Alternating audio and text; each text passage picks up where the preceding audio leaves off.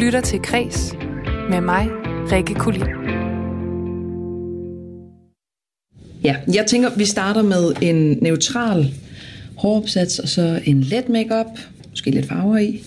Så kan vi se, om der skal skrues op eller ned, eller hvordan. Ja. Hvad tænker du om det? Øh, jamen, øh, jeg tænker, at jeg er ikke make artist. Hvad for noget? Jeg tror, jeg er din søster. Undskyld, hva, øh, hvad er det, du siger til mig? Ja, hvad gør man, når man på sin 25-års fødselsdag får at vide, at man er donorbarn? Karakteren Kim i den nye roadmovie dramaserie Far på DR3 forlader simpelthen sin fest. I stedet for så tager hun på jagt efter både halvsøskende og den anonyme donorfar.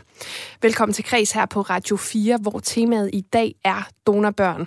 Lige om lidt, der taler jeg med en af kvinderne bag serien, nemlig Mette Søndergaard Nielsen. Og så skal vi også senere i programmet høre fra foreningen Donorbørns Vilkår. Hvad? Han er jo anonym. Og hvad, hvad så? Ja, så kan jeg ikke sige noget. Ah, et eller andet må du da kunne sige. Det kan jeg ikke. Han dukker ikke op i systemet. Der må der være. Kan du så ikke øh, ringe efter en? Nej, Kim, han er anonym. En papiret er jo herfra. Oh, okay. Men han står ikke der, for han er anonym. Hvad er det, du ikke fatter? Ja, men der må der være en eller anden Men det er der ikke. Okay, rolig, ikke? Undskyld. Er der nogen, der lige med Chromecasten? Her fik du igen en bid fra den her serie Far, som lige nu er aktuel på DR3. Serien den handler blandt andet om donorbørn, og det er det emne, som jeg kigger nærmere på her i Kreds i dag. Og nu kan jeg så sige velkommen til dig, Mette Søndergaard Nielsen. Du har skrevet og instrueret serien Far på DR3 i samarbejde med Sofie Jo Kaufmannas. Og så har I jo også øh, satirekollektivet, som I kalder Flæs. Velkommen til Kreds. Tusind tak. Altså med det tidligere, der har I jo både lavet øh, comedy og sketch shows og, øh, og film sammen, og senest der har I jo lavet den her satireserie på DR, Hvorfor snakker vi ikke om mig? Men øh, mm. den her gang, der er I jo aktuelle med øh, Far her på, øh, på DR3, så man, altså jeg, jeg vil påstå at sige, at det er noget af det mest alvorlige, som øh, I har lavet indtil videre. Ja, det er rigtigt. Det er rigtigt. Jamen, men det er det også, i hvert fald i vores samarbejde, så er det, øh, øh, ja, det ord, du bruger alvorligt. Altså, det er jo en anden genre. Det er ikke et sketchshow, det er en dramedy-serie, kalder man genren. Øh, som er et ønske fra os selv til at fortælle den her historie bedst muligt, og også et, et ønske fra kanalen DR3, øh, som jo er, det er jo til dem, vi har lavet det, ikke? Ja. Øh, og øh, det er det, fordi at vi som altid arbejder vi med tabulagte emner eller noget, vi synes, der gør næst eller er svært at snakke om, og, og det er den måde, vi synes, ting bliver sjovest. Øh, men i den her form, øh, den her venskabshistorie, som det er, som, som handler om ud at finde ud af, øh, hvem er min anden halvdel, og kan den findes, og hvem er jeg i verden, og hvem, hvem er det, jeg skal dele mit liv med for at have det fedt. Øh, og der synes vi helt klart, at det var denne her genre, som var den bedste måde at fortælle det på. Så det, det er simpelthen den simple årsag til det. Og i den her serie, der følger vi jo de to øh, halvsøskende Kim og Kat, som i øh, ja, god gammeldags roadmovie-stil drager ud i Ja. verden for at finde deres fælles øh, donor eller far. Altså nu, Ja. nu nævner du, at øh, det er selvfølgelig øh, noget mere alvorligt, end I plejer. Hvorfor skulle det lige præcis være en historie, som handler om blandt andet donorbørn? Øh, jamen, det kom det til, fordi øh, at vi ville gerne lave en historie om, øh, hvor præmissen ligesom var, familie er ikke nødvendigvis dem, du deler dit DNA med, det er dem, du deler dit liv med. Altså, at øh, vi i Danmark, øh, familie er mange ting. Alle, det er svært for alle at have familier. Der var vist det er et godt emne. Øh, det kan alle forholde sig til på den ene eller den anden måde. Øhm, og så er det at der er mange, som bruger deres venner øh, mere som familie, eller du ved, der er mange måder at gøre det på, øh, sådan lidt mere moderne blik på det. Og så i, i researchen på det, øh, om at gerne vil fortælle om, øh, om de her to øh, kvinder, som ender med at nu, skal, nu ved jeg ikke, om jeg må sige for meget, men, ja, hvad det kan sige. Ikke for meget. Nej, ikke for meget, okay. Men de opdager i hvert fald noget andet, øh, øh, og, og det bliver ligesom sat på spidsen, hvad er familie, og øh, hvad er en relation og sådan noget, ikke? Øhm, og så faldt vi simpelthen over, øh, fordi på det tidspunkt, øh, på det stadie, hvor vi var i udvikling med det, så, så var øh, donor-tematikken ligesom oppe igen. Det har den jo været flere omgange, men det var den lige på det tidspunkt i Danmark, øh, fordi det jo i Sverige er ikke muligt at have en anonym donor, og så var der snak om, om man skulle øh, gøre det ulovligt, eller kan man sige, ikke muligt mere, at det kun skulle være åbne donorer, som vil sige, at du kan kontakte din donor, når du er øh, 18 år, altså barnet. Ikke? Og så, det synes vi var vildt spændende, øh, fordi vi netop arbejder med den her familietematik. Okay, hvad vil det sige, hvis vi ligesom dykker ind i det her øh, scenarie? Der er ikke nogen af hverken mig eller Sofie, der er donorbørn, men, men dykkede ligesom ind i det her og researchede rigtig meget på det, og var sådan, det er et skide godt afsæt til at fortælle en historie om, hvad familie er. Fordi det er sådan en meget klar præmis øh, med en anonym donor i hvert fald, at du har en, øh, en far, som du ikke kender, men du øh, føler stadig, eller nogen føler en connection, eller nogen føler ingen. Øh, og hvad er det så for en, en rejse, man tager Hvad er det for en, en undersøgelse i at finde noget, og kan man finde noget? Øh, som ligesom blev en præmis for at fortælle om, øh, det starter jo der med ud at finde mit ophav, min, min donor, men, men lander et andet sted, sted ved at våge påstå. Ja, og du nævner jo her, øh, at det, det ligesom også er en undersøgelse af, hvad familie egentlig er. Jeg synes lige, vi skal høre et ja. klip øh, fra serien, hvor familien de spiller bedserviser, og samtidig afslører, at øh, Kim er donorbarn. Eva, vil du ikke læse spørgsmålet op? Hvad? Ja, Karl, vil du ikke læse det? det? Sådan der. I hvilket hav Kim, ligger... Det er din mor, hun prøver at sige. Eva. Prøv,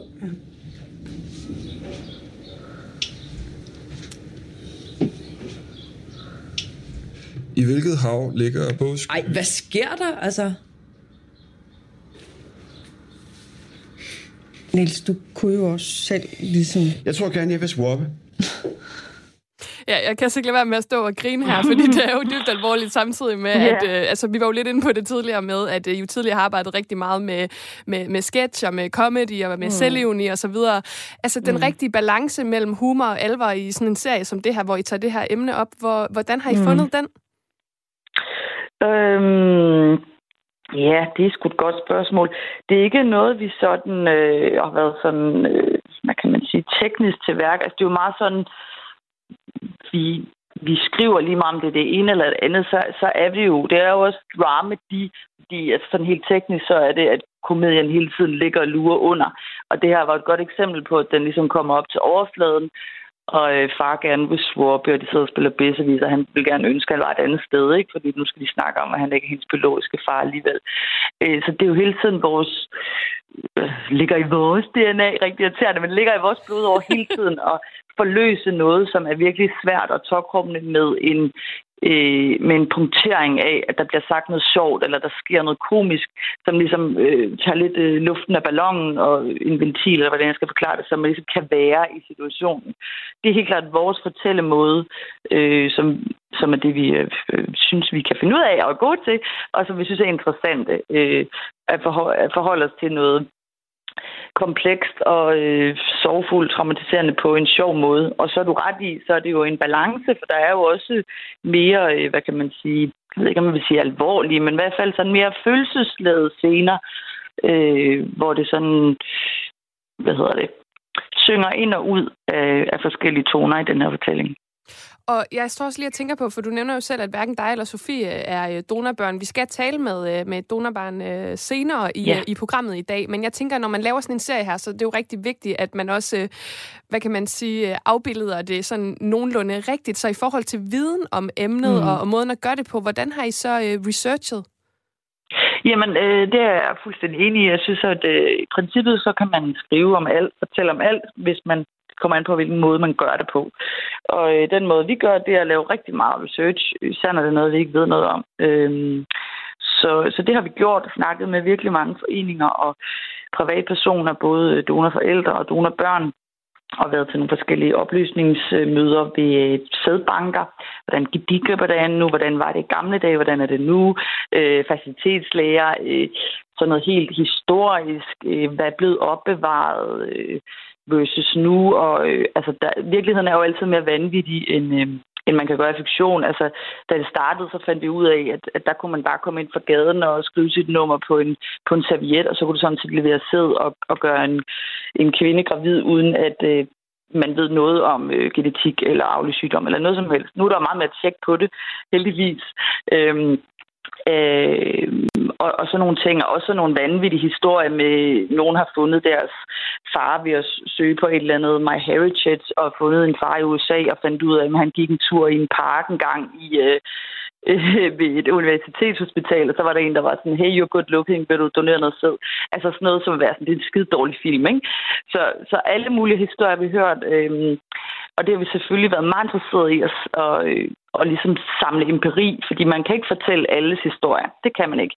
Øh, og vi har ligesom valgt to scenarier, som er øh, et menneske, som har vidst det hele sit liv, at hendes mor har øh, fået hende med en donor, og hvordan hun så har det med det.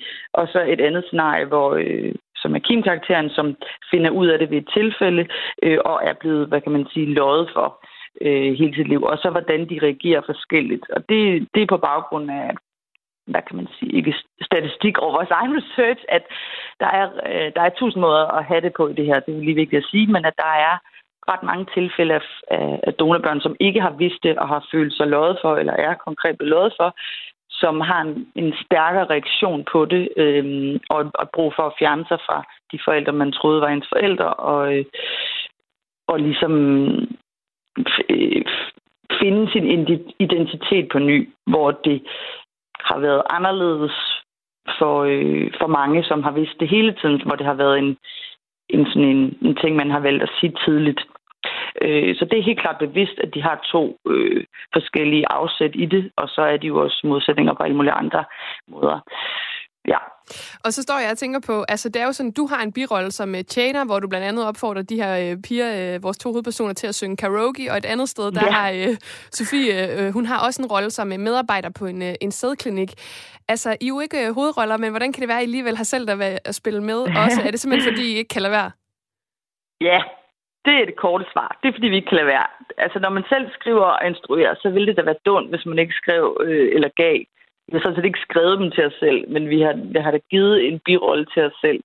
Det, øh, det skal ikke være nogen hemmelighed. Og fordi vi jo er skuespillere og synes, det er skide sjovt, øh, men jo også i, i lige den her produktion ikke havde, øh, øh, hvad kan man sige, øh, der, der havde vi ikke kræfter eller til, der skulle vi ligesom være bag monitoren hele tiden, for det var så, så stor en produktion, så det skulle være en lille rolle, ikke? Men det er da helt klart, fordi vi ikke kan lade være. Ja, det er det korte svar i hvert fald. Og så ja. er det jo også sådan, som vi har været inde på uh, tidligere i, i, i programmet her, at hvis man har fulgt jer i det seneste års tid, så har I jo været virkelig utrolig uh, produktive, og I har lavet en Facebook-serie, der hedder De Kongelige Statuer, og vi uh, nævnte satireserien Hvorfor snakker vi ikke om mig på, uh, på mm. DR, og så er I jo aktuelle lige nu med, med far. Hvordan ser det nye ja. år ud? Skal I ikke holde fri på noget tidspunkt? Jo, det håber vi. Altså, øh, jo, altså vi holder faktisk sådan øh, lidt tvunget fri i januar. Flæs har sagt til Flæs ansatte, øh, I skal holde fri, vi er bange for, at I får stress og sådan noget. Vi vil gerne have, at I laver noget i mange år. Så vi holder faktisk ferie her i januar, mere eller mindre, øh, og havde håbet på, at vi kunne komme ned til varmen, men det kunne vi så ikke. Så nu, øh, nu må vi lige se, hvor meget vi holder ferie, hvor meget der sniger snart arbejde ind. Men vi prøver.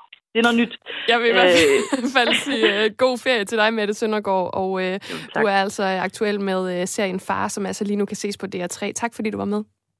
Selv tak.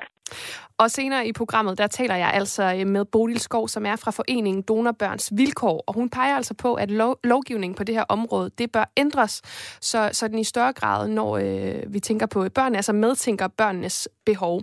For det er altså omdrejningspunktet i dag, øh, eller udgangspunktet for øh, det her program, det er altså den her øh, serie Far, som altså lige nu kan ses på DR3, og som handler om donorbørn. Du lytter til Kres med mig, Rikke Kulin. Men inden vi skal videre med dagens tema om øh, donorbørn her på Kreds, så er det jo sådan, at øh, vi også har en øh, række kulturnyheder, vi gerne vil præsentere dig for, kære lytter. For det her, det er dit daglige kulturprogram på øh, Radio 4, hvor du altså har mulighed for at være lidt up-to-date på øh, kulturens verden. Så nu, der skal det altså handle om kulturnyheder. Han kastede sig panisk fra side til side, Skuldrene hamrede mod underlaget, og blodstænk drøbbede fra et sår i hans hoved. Det måtte kunne lade sig gøre at vriste den arm fri. Hvis bare han kunne se ordentligt, kunne han måske løsne stripsene om sine hænder og stoppe saven. Men han kunne intet gøre. Det var endestationen. Han skreg efter hjælp. Et rovdyrbrøl. men fik intet svar. Det her, det var Katrine Engberg, som læste en lille bid af sin krimiroman Isola op i programmet Mellem Linjerne her på Radio 4. Og Katrine Engberg, hun er altså en af de populære, øh, mest populære danske krimiforfattere, som brager der ud af lige nu. Men hvis du har en øh, krimiforfatter i maven, så er det altså nu, du skal spidse ører og måske gøre Katrine Engberg selskab. For forlaget Lindhardt og Ringhof, de er på jagt efter en ny dansk krimiforfatter. Og det, det kan altså blive dig. De udskriver nemlig en konkurrence, hvor vinderen får en forlagskontrakt på 250.000 kroner og en oversættelse af sin bog til 10 sprog. Den gode krimi er et spejl af sin samtid, og genren flytter sig lige så hurtigt som samfundet omkring os. De danske krimiforfattere hører til blandt verdens bedste. Derfor har vi i dag flere internationale stjerner i Danmark end nogensinde før, siger øh, Sune de Sousa Schmidt Madsen, som altså er øh, forlagschef for dansk skønlitteratur på Lindhardt og Ringhof i en pressemeddelelse. Og den her konkurrence, den bliver altså formelt udskrevet den øh, 1. Februar, hvor der også bliver offentliggjort, hvilke betingelser der er for at deltage. Men vi ved allerede nu, at deadline for at deltage, det er den 1. december. Så du har et uh, lille års tid nu her til at få skrevet den her krimi. Og vinderen af konkurrencen uh, kors til uh, krimimessen i Horsens Statsfængsel næste år i 2022.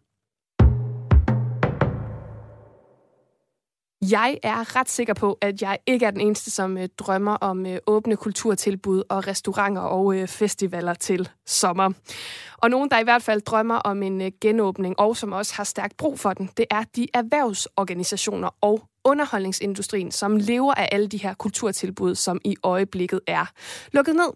Men de her involverede parter, de presser altså nu på for, at politikerne de vil tage det her vaccinepas i brug for at åbne hurtigere op. Det skriver Jyllandsposten. Og en af de her organisationer, det er Dansk Industri. Indtil videre har der været for meget stop and go. Så åbner vi lidt op, så lukker vi ned igen. Vi bliver nødt til at skabe mere forudsigelighed, indtil covid-19 er udryddet. Og her er vaccinepasset en fabelagtig idé til at åbne mere op. Det siger politisk direktør i Dansk Industri Emil Fannike Kjær. Og et vaccinepas, hvis du ikke har hørt om det endnu, så er det altså, at du kun kan komme ind på en restaurant eller i en koncert eksempelvis, hvis du kan vise, at øh, du har modtaget en øh, covid-19-vaccine.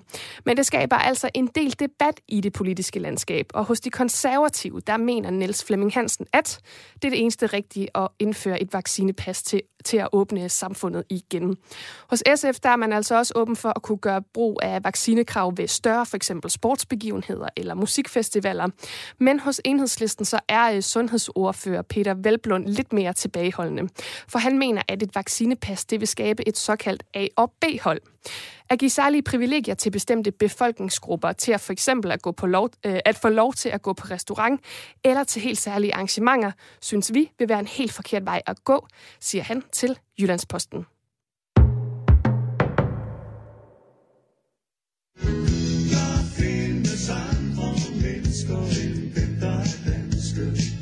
Nu rammer dagen København.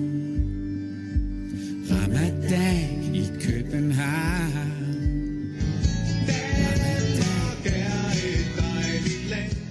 Ja, her fik du to sange mixet lidt, som har været til diskussion i forbindelse med den 19. udgave af Højskolesangbogen. Det er en bog, som vi også her på Kreds har talt om flere gange, og som jeg fik i julegave her i øh, sidste år øh, til juleaften. Og nu oplever flere af de mennesker så, der sidder i sangbogsudvalget, at modtage trusler. Det skriver Information. Sangbogsudvalget, det er jo dem, der vælger, hvilke sange, som altså skulle med i den her opdaterede version af den lille blå sangbog. Og noget, der især vagte harme, det var altså Shubiduas Danmark, som øh, røg ud. Og øh, blandt øh, dem, der var kommet ind, der var blandt andet Ramadan i øh, København, sunget af Isam B. Og i flere interviews, der har sangudvalget altså gjort det klart, at Ramadan i København ikke har overtaget Danmarks plads i bogen. Man kan simpelthen ikke øh, udskifte den en til en på den måde. Og nogle af dem, der har oplevet trusler, det er forfatter Dy Plambæk og pianist, tv- og radiovært Mathias Hammer, som begge to er medlemmer af sangudvalget. De har oplevet den her vrede i enten e-mails eller breve i deres jeres postkasser. Jeg har fået rigtig mange beskeder, hvor der står, at jeg er landsforræder. Det er det primære udtryk. Landsforræder, rotteyngel, islamist, terrorist, øh, siger Mathias Hammer til Information. Og Information de har også talt med Rune Stubager, som er professor i statskundskab ved Aarhus Universitet. Og han er desværre ikke overrasket over den her reaktion. Vi ved, at trusler, ligesom groft sprogbrug i sig selv, kan skræmme folk fra at deltage i den offentlige debat eller ytre sig på den ene eller anden måde, siger han til information. Hvis du har en Instagram-profil, øh, og det har jeg for eksempel, så er du nok helt sikkert faldet over brands og øh, privatpersoner, som øh, sælger deres produkter via det sociale medie. Og det kan altså være alt fra de helt store, øh, meget veletablerede virksomheder, som for eksempel øh, Levi's, som reklamerer for sine cowboybukser. Men det kan også være øh, små kunstneriske iværksættere, som sælger deres øh, håndlavede mode eller smykker eller design på nettet, og altså Instagram. Og især den sidste gruppe her, de små selvstændige, dem der har fået en rigtig god idé og altså er startet i det små, de fylder rigtig meget i mit øh, Instagram-feed. Og det kan være alt lige fra øh, By Fosdals læderøringen til glimrende bryster, som sælger, øh, ja, glimmeraftryk af bryster eller en nullenitting, som øh, strikker på bestilling. Og jeg har blandt andet, øh, altså jeg vil sige, jeg køber ikke så meget, men jeg har bestilt en øh, sennepsgul vest med snifmotiv, altså snif fra mumitrollene derinde, så man kan blive meget, meget specifikt og få det, der øh, passer til øh, ens temperament. Men det her, det var altså bare lige et par stykker, for der er en uendelig mængde af mindre profiler, som sælger ud af deres kreativitet. Og der er jo også rigtig gode muligheder for at vise det frem på Instagram. Der er billeder med masser af farver, der er mulighed for at tagge andre profiler, og også at dele nye oplevelser med hinanden. Og øh, det kan altså gå hurtigt fra, at man måske sidder i sit værksted alene og syr nederdele eller laver kopper, til man pludselig har flere tusinde følgere og meget større efterspørgsel, end man kan nå at følge med på. Og en af dem, som har oplevet det, det er dig, Louise Rossager, som er kvinden bag Krøllet Keramik. Velkommen til Kreds. Tusind tak. Louise, kan du ikke lige starte med at sætte nogle ord på, hvad øh, er krøllet keramik helt præcis? Jamen, øh, krøllet keramik, det er øh, krøllet keramik. Det er øh, små øh, kopper og skåle og tallerkener og æggebærer, som jeg sidder her og laver i mit lille værksted på Sydfyn og har helt selv. Og øhm, hvis nu, altså jeg, jeg er stor fan, kan jeg godt tillade mig at sige. Jeg sidder og lurer med derinde. Hvad, hvad er det så for nogle motiver? Altså du nævner, nævner jo, de er krøllet, men hvad er det for nogle motiver, du bedst kan lide at arbejde med? Sådan, hvad er stilen? Altså stilen, det er, at det skal være helt unikt og specielt, så der er ikke noget af det, der er ens. Jeg sidder og laver alle de små krøller på alle kopper, som gør dem unikke og specielle og helt særlige, så der ikke er nogen, der får den samme kop og ja. hvordan, øh, hvordan startede krøllet keramik? Fordi jeg nævnte jo før, at, øh, at jeg ligesom har lagt mærke til, at der er nogen, der startede i det små, og så lavede de måske en enkelt ting, og så viste det sig bare helt vildt hurtigt, at der kom kæmpe interesse for det. Så hvordan øh, startede det hele? Mm, jeg, jeg tror lidt, det er en af de der små mirakelhistorier her i alt det her corona. Øh, jeg startede for et lille års tid siden, øh, hvor jeg var gik på et offentligt værksted og benyttede mig af det, og så lavede jeg en Instagram til det, jeg lavede, og så begyndte jeg at sælge af det, og så lukkede værkstedet ned øh, på grund af corona. Og så gik det bare ligesom amok på Instagram, og jeg har virkelig svært ved ligesom at sætte ord på, hvad det ligesom var, der skete derinde. Øh, men jeg kunne i hvert fald ikke følge med længere. Så jeg endte med at købe min egen ovn, og nu har min far bygget mig et værksted, som jeg sidder og krøller kopper i dagen lang. Jeg kan godt lide den formulering, krøller kopper. Men altså, hvordan gik det helt præcis amok? Var det bare fra den ene dag til den anden, at folk lige pludselig ville have kopper? Var der ligesom noget, der satte det i gang? Jamen, Instagram er bare en helt vildt god platform til at promovere sig på, men som du selv sagde i introduktionen, at man tager de her farverige billeder, og folk tagger hinanden, og de synes, der er noget fedt. Øhm, og på den måde, så er mine kunder rigtig gode til ligesom at promovere mig, og man kan jo også købe promoveringer på Instagram, som gør, at de her øh, hvad hedder det, øh, firmaer, de kommer op på ens stories eller på ens feed. Og på den måde kan man promovere sig på Instagram. Og nu er det jo snart et år siden, at du lagde dit første billede på Instagram. Det var den 4. Øh, mm. februar. Altså nu er der jo næsten gået et år. Hvordan føles det at kigge tilbage på? Jeg tænker virkelig, der er sket rigtig meget på den, på den her tid. Ja, det, har, altså, det er så overvældende. Altså, jeg havde på ingen måde regnet med, at det ville stikke sådan af, som det, det har gjort. Altså, nu, nu sender jeg kopper ud til hele Danmark, og det bliver udsolgt på ingen tid, og det er så surrealistisk. Jeg havde aldrig regnet med for et år siden, da jeg slog det billede op, at det var det, det skulle blive til. Og alt for damernes øh, hjemmeside, alt.dk, de skrev en artikel tilbage i november 2020, hvor de kiggede lidt ind i øh, fremtidens forbrug. Og her kommer trendekspert og øh, lektor ved Kunstakademiets designskole, Maria McKinney Valentin, med sit bud om fremtidens forbrugsmønstre inden for modebranchen.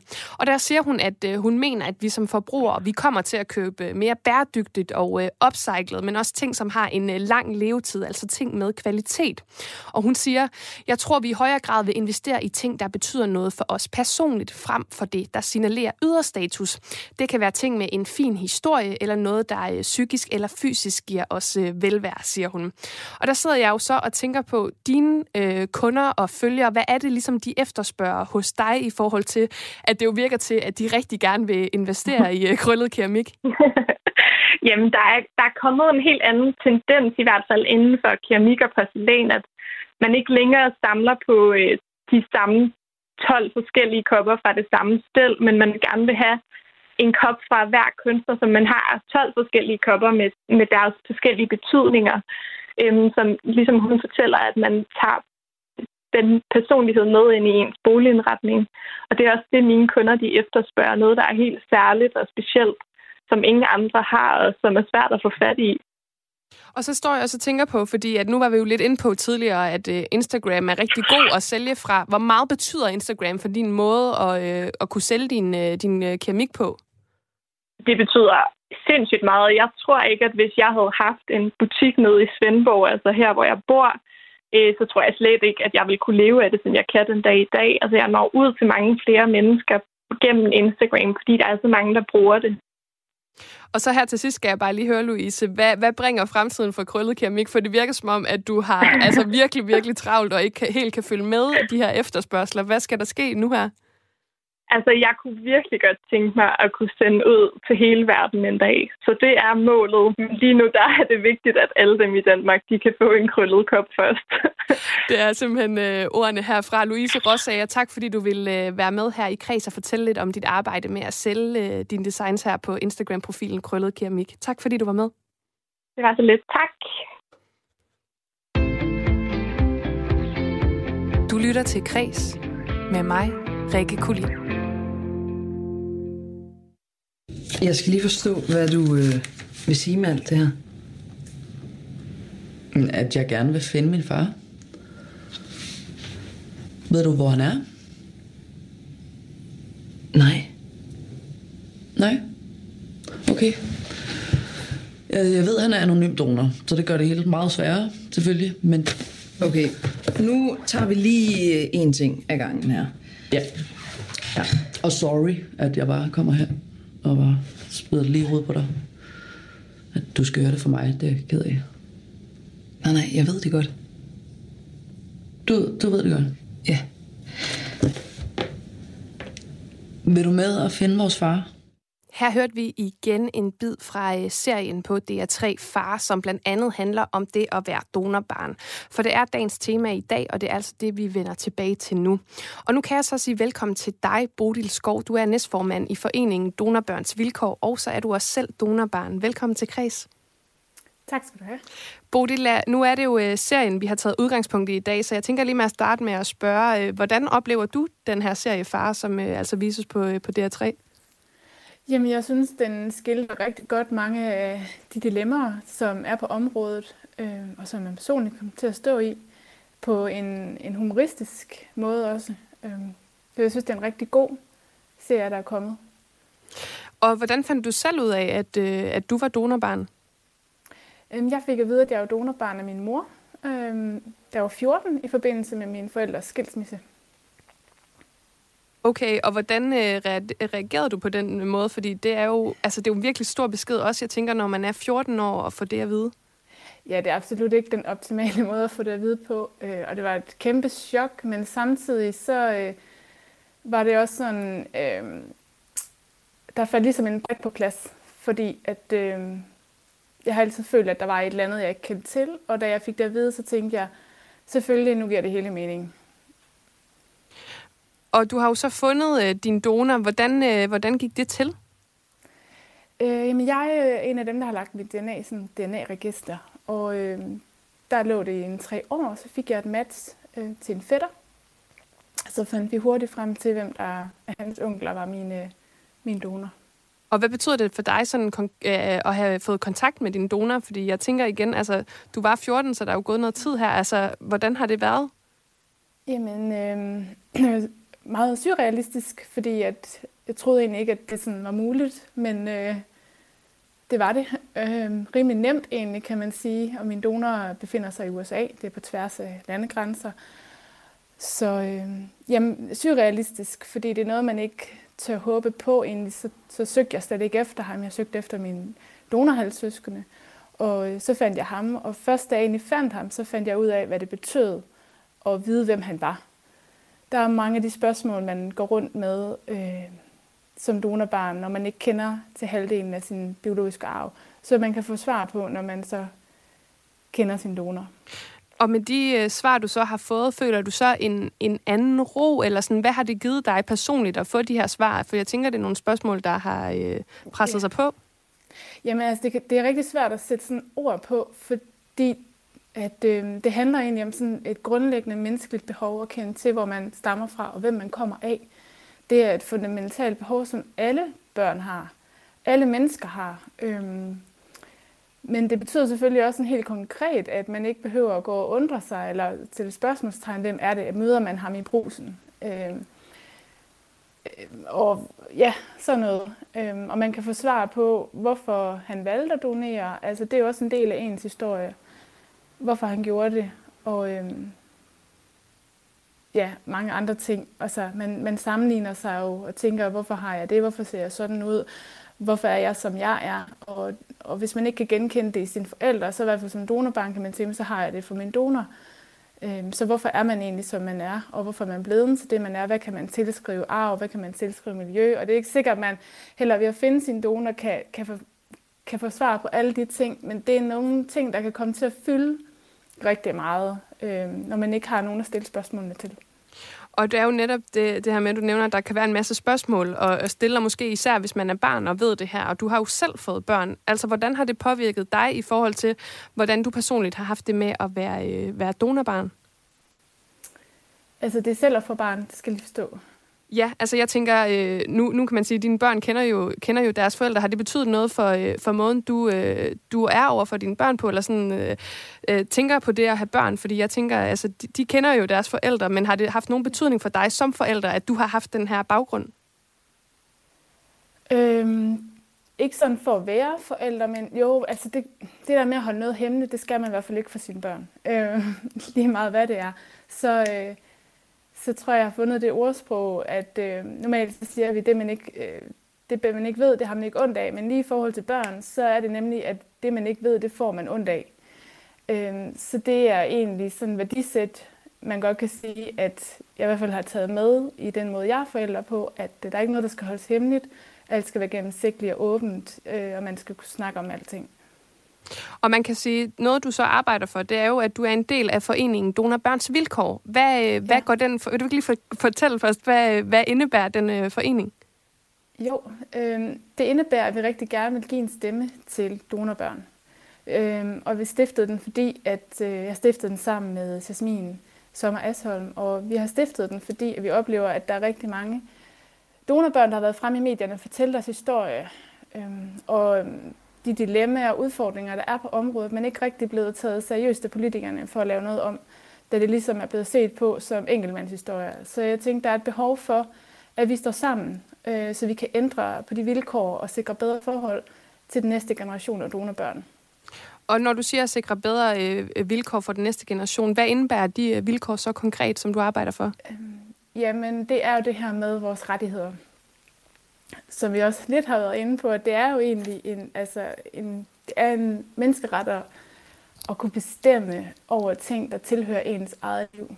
Og der er nogle af de ting, som lovgivningen er i dag, f.eks. med tilladelse af anonym donation, der egentlig er konflikter med den her rettighed.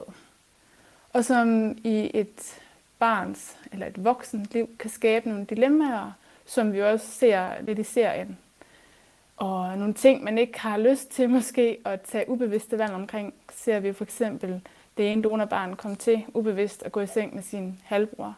Og det er jo en reel risiko, som vi har. Øhm, og især den generation, der er ved at reproducere sig selv nu. Fordi i 70'erne, 80'erne 90'erne var der ikke nogen grænse på, hvor meget en donor måtte donere, og til hvor mange. Øh, nu har jeg jo fundet min donor og ved, at han i fem år har doneret en gang om ugen.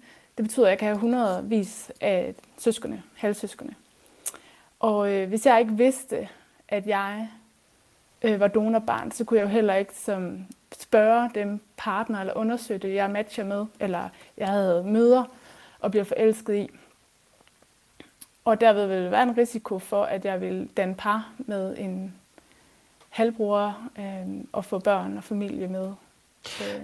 Men vil det sige, altså man kan sige, som donorbarn, så skal man jo have at vide på et tidspunkt, at man er donorbarn, så man netop kan, kan finde ud af uh, sit ophav, hvis man er interesseret i det.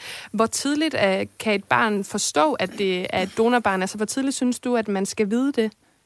Jamen, al forskning og alle psykologer siger, at man faktisk kan da vide, før man forstår det. Og det er nemlig også, der, der florerer rigtig mange forskellige myter på området. Og en af de ting er, at vi fortæller det først til barnet, når, når man kan forstå det. Og så er det faktisk for sent. Øh, ikke at sige, at det er for sent, fordi barnet skal have det at vide. Det er, ligesom, det er vores ret at få det at vide. Øh, men, øh, men man skal egentlig begynde at fortælle det helt fra barnet er spæd, før det egentlig forstår, hvad det er. Ligesom du vil fortælle dit eget barn, jeg er din mor.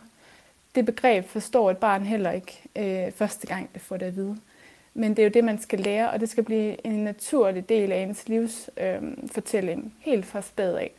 Så man siger egentlig start, mens du pusler dit barn øh, på puslebordet, og øh, begynd helt simpelt. Og man kan sige, at der er en helt naturlig åbning, når barnet bliver omkring 2-3 år, og selv stiller spørgsmål til, øh, hvor kommer jeg fra? Øhm, og det har min søn selv spurgt om, hvor kommer jeg fra? Jeg siger ind i maven.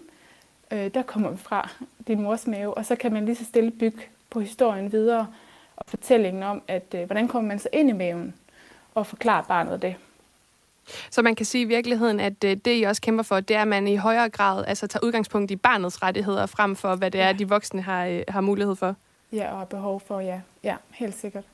Jamen, jeg vil sige uh, tusind tak for det, Bodil Skov, næstformand i Donorbørns Vilkår. Tak fordi du var med her i Kreds. Selv tak.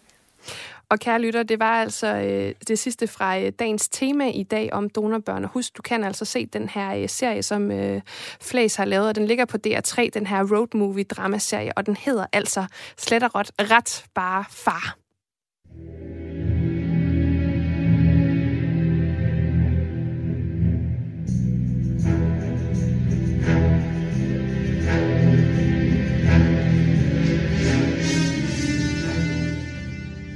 Her på Kreds, der har vi samlet et stærkt hold af kultur agenter. Det er syv forskellige danskere, som bor fordelt rundt i øh, hele landet, og øh, de anbefaler dig og mig hver tirsdag de bedste kulturoplevelser der, hvor de bor. Det er altså en øh, lokal guide, som kan præsentere dig for nogle af de oplevelser, som du måske ikke opdager af dig selv. Men som alle jo nok ved, så er det jo coronatider lige nu, og det gør selvfølgelig, at der er en del kulturelle oplevelser, man normalt ville kunne opleve, som der er lukket ned for. Så derfor så har vores kulturagenter de seneste uger været rigtig rigtig øh, kreative. Og det gælder også vores øh, kulturagent på Sjælland i dag. Det er dig, Pauline Vestergaard Jensen. Velkommen til Kreds. Tak skal du have, Rikke. Det er jo sådan, at... Øh, ja, jeg kan lige starte med at sige godt nytår. Ja, godt nytår for Filan. Det, det må man stadig gerne sige her den 12. januar. ja. Altså, som jeg nævnte her, så har I jo været lidt udfordret på grund af corona de sidste par måneder. Men øhm, jeg synes faktisk, det du har valgt at anmelde i dag, det passer jo meget godt i den øh, historie, vi havde tidligere, som handlede om krøllet keramik, fordi øh, du har jo været kreativ og fået sendt lær hjem til døren. Altså, hvad går det her ud på? Jeg har fået sendt lær hjem fra øh, et sted, der hedder Slow Studio, som ligger inde i øh, København.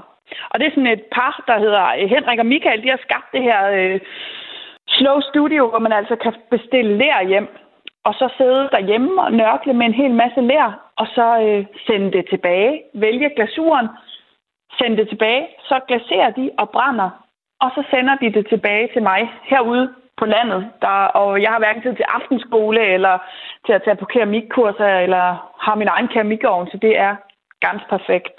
Ja, det er også meget coronavenligt, kan man sige. Altså, selv hvis du havde tid til, til de her ting. Og så ved jeg, at du også synes, at en keramikovn, den er lige i overkanten i forhold til, til prisen. Øh, ja, og pladsen. Og...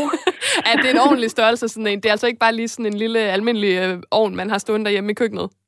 Nej, det er det ikke. Okay, og hvor meget lær er det så, man modtager, når man bestiller sådan en, øh, en kasse her? Så hvor meget er der, øh, er der mulighed for at lave?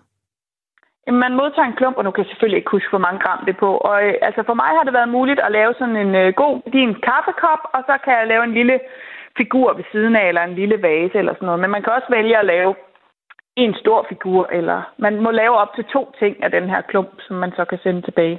Og vi kommer tilbage til, nu, nu afslører du det lidt her, hvad du har lavet, den vender vi tilbage til lige om lidt, men jeg skal bare lige være med, og lytterne skal også være med. Altså, så man former det her med hænderne, der er ikke brug for en drejebænk, for jeg tænker, at nogen kunne måske godt tænke Ghost og Demi Moore og Patrick Swayze, når de hører sådan om at lave lær, men det er vel ikke det, det er. Det, det er, hvor du sidder ved et bord og former. Ja, jeg har været i gang med øh, pølseteknikken, som jeg ikke har rørt ved, siden jeg selv gik i skole og havde øh, øh, formning op i et eller andet loftslokale. Så jeg har været i gang med pølseteknikken, men man kan se sådan nogle videoer inde på deres øh, hjemmeside, hvor de sådan præsenterer forskellige teknikker, man kan bruge, når man nu ikke øh, sidder og er øh, med Patrick Swayze bag sig. Så.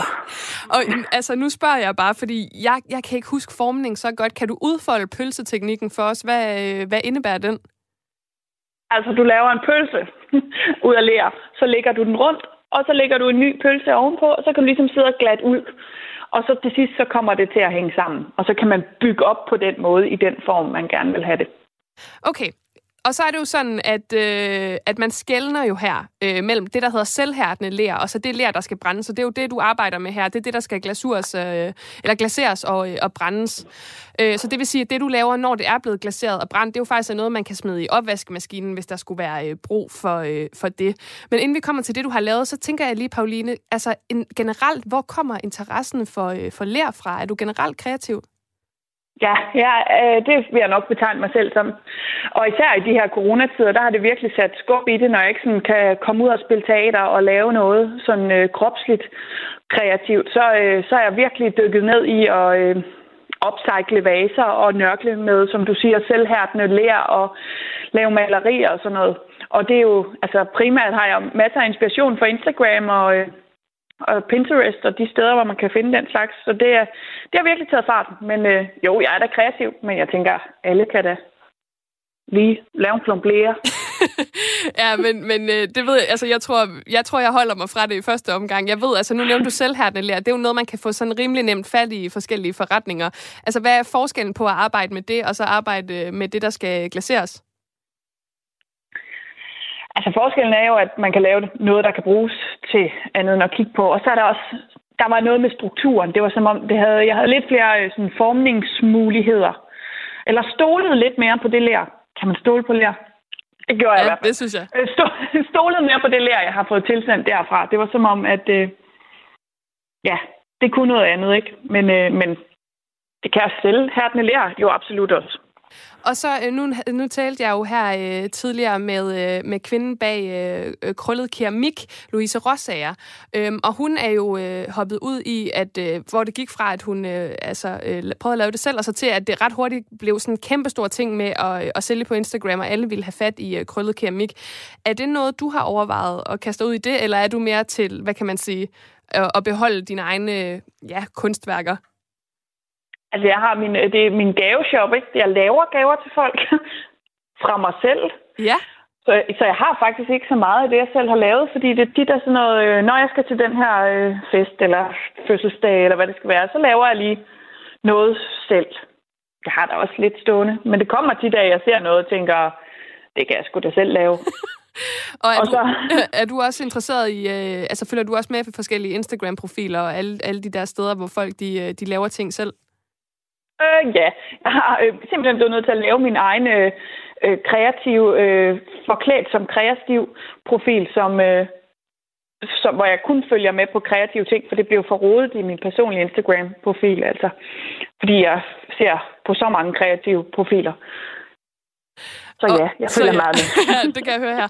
Og så har vi jo gemt den øh, lang tid, men nu kaster vi os jo simpelthen over den. Du har jo lavet en øh, kop, og jeg vil sige, fordi jeg har set den, du sendte et billede af den til mig. Det er en meget smuk kop, øh, og den er jo ikke blevet glaseret og brændt endnu. Så jeg tænker, vil du ikke starte med at beskrive, hvordan den ser ud lige nu, sådan øh, helt rå, siger jeg i godsøjne.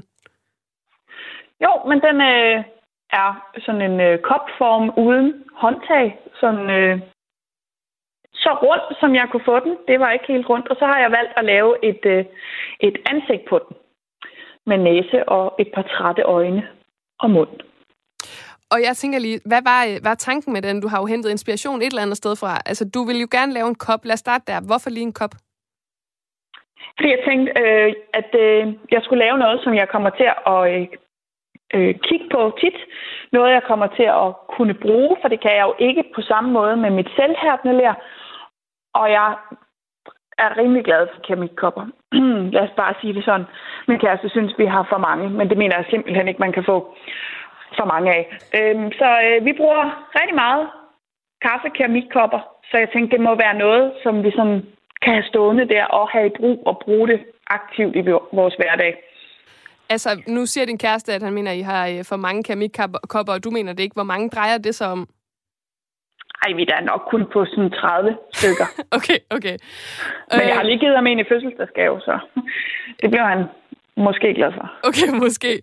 og så nævner du jo, at det, det er det her ansigt, og jeg så den, og jeg tænkte jo sådan, at det lignede lidt øh, Yubaba fra øh, Chihiro og Heksene, altså den har sådan lidt øh, hendes ansigt over sig. Øh, den her proces med at lave det her ansigt, øh, du forklarede mig det lidt tidligere i dag, da vi snakkede sammen. Vil du ikke fortælle, hvor, hvor, hvordan det gik? Det udviklede sig jo ret meget. Øh, ja, det gjorde, det gjorde det. Jeg sidder med den her klumpler, og jeg har besluttet mig for, hvad jeg skal lave. Jeg er klar til at gå i gang. Jeg går i gang med den her pøsteteknik, og jeg er så bange for at øh, ødelægge det. At jeg gør noget forkert. At jeg ikke kan huske mine formningstimer, eller ikke har kigget godt nok på den der video. Så jeg var simpelthen så bange for at gøre noget forkert, og mit hoved var sådan fuld af tanker om, det her overhovedet ville lykkes. Og så blev det så grimt, så jeg bare havde lyst til at sådan smide det ud. Men så står der inde på deres hjemmeside, at man ligesom skal stoppe med at dømme sig selv, og man skal give sig hen til processen og være til stede i det. Så nu besluttede man simpelthen bare, nej, nu, nu bliver du i det, du laver det ikke om. Så må du se, om du kan redde det, Pauline. Og så besluttede jeg mig sådan helt aktivt for, at nu skulle jeg stoppe med at være bange for læret. Og så tog det ligesom fart. Så kunne jeg forme, og lige pludselig havde koppen den måde, jeg ville have, den skulle være på i sådan formen. Og så begyndte lærret at sprække, og så gik jeg i total panik, og så sprækkede det indvendigt, og så fik jeg lappet det, og så begyndte det at sprække udvendigt, og så, altså, der var mange stadier. Og så var koppen færdig, og så kunne jeg begynde på det der ansigt. Og jeg klasker bare ligesom en klump på for at få lavet den her næse, og så udvikler det sig derfra. Så tænker jeg, når den her lidt lange næse, det kunne da godt minde lidt om sådan et, en hang på en øh, kaffekop, eller man kan i hvert fald lige støtte på den. Det blev en meget øh, stor næse. Og så tænkte jeg, at jeg egentlig lavede en gammel mand, men så fik jeg lavet øjnene, så blev de sådan helt vildt kratte, og så tænkte jeg, det går jeg bare med, det passer tit godt til kaffe. Og så fik jeg lavet øh, munden på det, jeg troede var min mand, og så lignede det en gammel dame, som, ja, sådan lidt heksagtig, og så, øh, så lærte jeg at elske hende. Er det det var sådan, hun blev. Og hun skal jo så øh, sendes ind og øh, glaseres og, og brændes. Øh, egentlig, når jeg tænker over det, hvis det er ligesom uh, Yubaba for Chihiro og heksene, så er det jo meget passende i den situation. Men altså, vi har jo snakket rigtig meget om uh, lær nu her, og keramik tidligere i programmet også, da, da jeg talte med Louise. Altså, det her kan man jo gøre uh, selv derhjemme. Hvem tænker du, uh, Pauline, vil synes netop det her, det vil være fedt at, uh, at kaste sig ud i? Altså, hvis man har den mindste lyst til at sidde og, øh, og lege med lær og nørkle med lær og skabe noget, hvis man har den her skabertrang, så er det for alle dem, der har en snært af det. Og det er også for alle de forældre, som synes, formning mangler på hjemmeskoleskemaet. Så kan man købe en familiekasse, og så kan man lave en aktivitet ud af det for hele familien. Ja. Så det er for alle dem, der har lyst.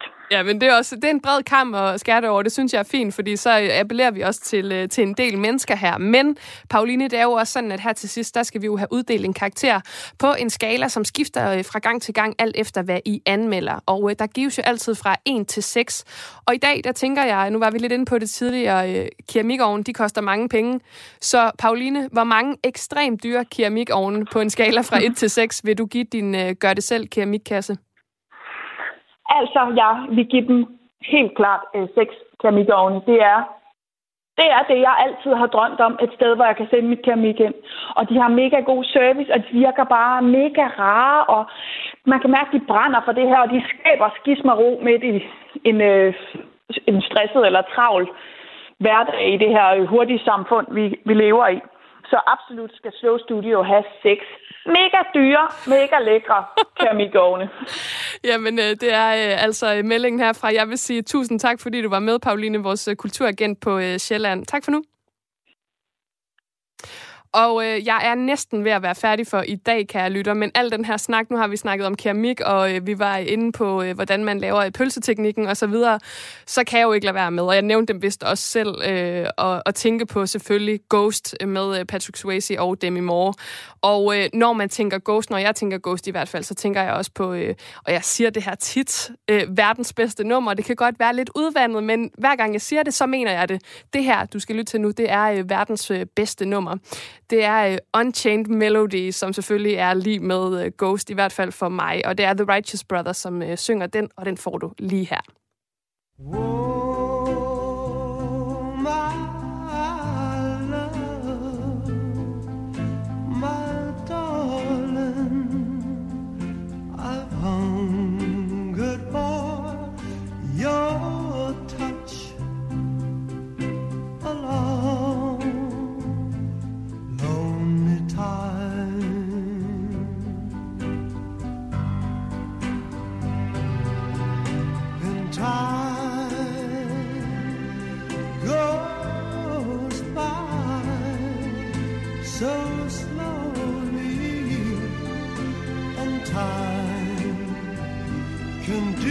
So much.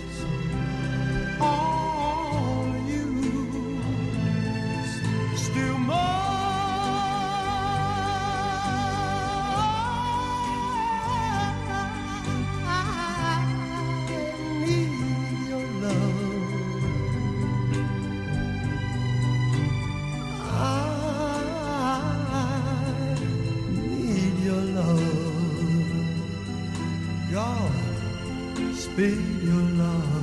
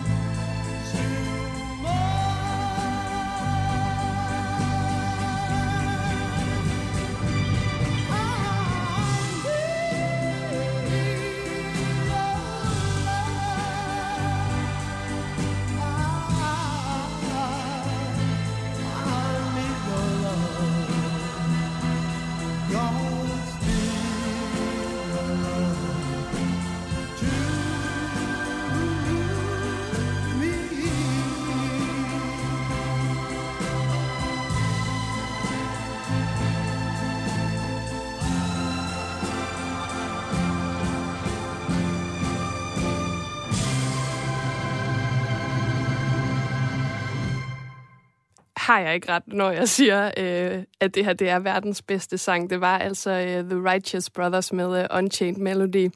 Selvfølgelig kendt fra, uh, i, fra uh, Ghost fra 1990-filmen med uh, Patrick Swayze og uh, Demi Moore. Og den klassiske scene, hvor der altså bliver drejet i lær. Og um, ja, som du har hørt i dagens program, kære lytter, så uh, kan det altså også blive dig, der laver lær derhjemme. Jeg ved, min søster, som jeg bor sammen med, har bestilt en, uh, en pakke hjem med uh, selvhærdende lær, så hun er altså også blevet ramt af den her kæmpestore uh, keramiktrend, som har bredt sig derude i, øh, i det danske land. Og jeg er ved at være færdig med øh, dagens kreds, men jeg er tilbage igen i morgen kl. 14.05. Og husk, at det her program det kan øh, findes som podcast, ligesom alle andre kredsprogrammer også kan det.